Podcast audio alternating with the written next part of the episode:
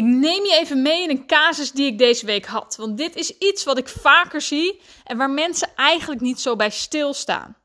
Dit was de casus van een, uh, een jonge vrouw met een gebrek aan energie en eigenlijk regelmatig terugkerende vitaminetekorten. Ze had bijna een structureel B12 tekort. Dan deed ze even uh, wat supplementen, injecties nam ze. Dan ging het weer een tijdje goed, maar het zakte ook steeds weer. Daarnaast had ze vaak een ijzertekort. En eigenlijk was ze alleen maar bezig om deze supplementen in te nemen en op die manier de vitamines omhoog te, te, krijgen. Maar ondanks dat hield zij eigenlijk constant een gebrek aan energie. Nou, bij mij gaan dan meteen al de alarmbelletjes aan. Waarom heb jij constant een tekort? Dat kan een aantal redenen hebben. Het kan zijn dat jij simpelweg het niet neemt in je voeding. Dus dat daardoor steeds een tekort ontstaat. En bij B-vitamines en ijzer zou dat kunnen als je helemaal geen vlees eet. En daarnaast ook dat helemaal niet uit andere producten haalt. Maar bijna nooit is dat echt de oorzaak. Bijna altijd is er een probleem in de opneembaarheid van die vitamines. In het goed op kunnen nemen van die B-vitamines uh, en bijvoorbeeld die ijzer. Ja, dan moet je gaan kijken waarom is dat. En in deze casus uh, keken we naar, uiteraard naar het ontlastingsonderzoek. We keken naar of ze voedselgevoeligheden had, of er andere vitaminetekorten waren en natuurlijk haar omega-3. Nou, wat bij deze meid duidelijk terugkwam, was dat zij heel veel voedselgevoeligheden had. In het ontlastingsonderzoek bleek dat zij een enorm verhoogd doorlaatbare darm had. Dus haar darmwand was niet van een goede kwaliteit. Daar zaten ook nog eens ontstekingen op, op, die op de darmslijmvlies. Wat we ook weer terugzagen in het ontlastingsonderzoek. En daarnaast had zij verteringsproblemen. Dus de voeding die ze nam, dat werd niet optimaal verteerd. En dat gaat vaak zorgen voor rotting en gisting uh, in de darm. Maar bij haar was dus heel duidelijk te zien in het ontlastingsonderzoek dat die darmwand de stoffen niet goed kon opnemen. En in haar geval zorgde dat echt voor structurele um, tekorten aan dus die B12 en die ijzer.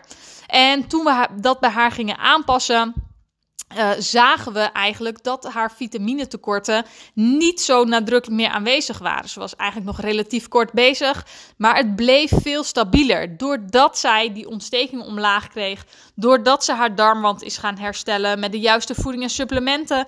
En doordat ze de triggers in haar voeding, die ook haar darmwand steeds weer aantasten, eruit ging laten.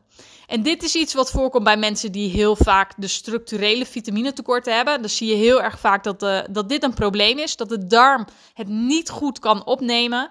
Uh, maar je ziet het ook vaak bij mensen die niet een constante vitaminetekort hebben, maar die gewoon een vitaminetekort hebben. Uh, dat kan komen omdat je te weinig binnenkrijgt. Maar heel vaak zie je ook dat de darm het simpelweg niet goed kan opnemen. En dan kun je denken: oh, leuk en aardig, ik heb een tekort. Ik ga het even in een supplement naar binnen knallen. En daarna ga ik gewoon weer verder zoals dat het altijd was. Maar de praktijk laat zien dat dat dus heel vaak niet goed lukt. Doordat het niet goed opgenomen kan worden. Wat daarnaast ook nog heel erg belangrijk is, is dat je zorgt dat je, als je dan bijvoorbeeld zo'n uh, vitamine neemt, dat je ook wel de cofactoren neemt. Cofactoren zijn eigenlijk andere vitamines die ervoor zorgen dat de vitamine die je dan wil nemen of die je omhoog wil krijgen, dat die ook beter opgenomen wordt. Van vitamine D is bijvoorbeeld magnesium een cofactor. Je hebt dus extra magnesium nodig om te zorgen dat die vitamine D ook goed opgenomen wordt. Daarnaast is voor ijzer vitamine C bijvoorbeeld een cofactor. Dus je kunt ijzer nemen, maar neem je daarnaast ook nog extra vitamine C, dan wordt die ijzer nog beter opgenomen. Het hangt dus allemaal met elkaar samen. En het is dus te simpel om te zeggen als jij een vitaminetekort hebt, en zeker als dat structurele vitaminetekorten zijn, om te zeggen: ik neem dat supplement, ik boost het even op en het is weer klaar. Er zit bijna altijd een verklaring achter waarom je dat hebt. En zo was dat ook bij deze vrouw. Zij bleef een gebrek aan energie houden, ondanks dat zij uh, supplementen nam, ondanks dat ze steeds probeerde het omhoog te krijgen. Ondanks de supplementen bleef het niet hoog. Dat was omdat er gewoon een andere oorzaak achter zat. En in haar geval zorgde die oorzaak ook nog eens voor een enorm energielek. Als je ontstekingen hebt aan je darmslijmvlies, als jij echt meerdere duidelijke voedselgevoeligheden hebt, dat kost gewoon onwijs veel energie.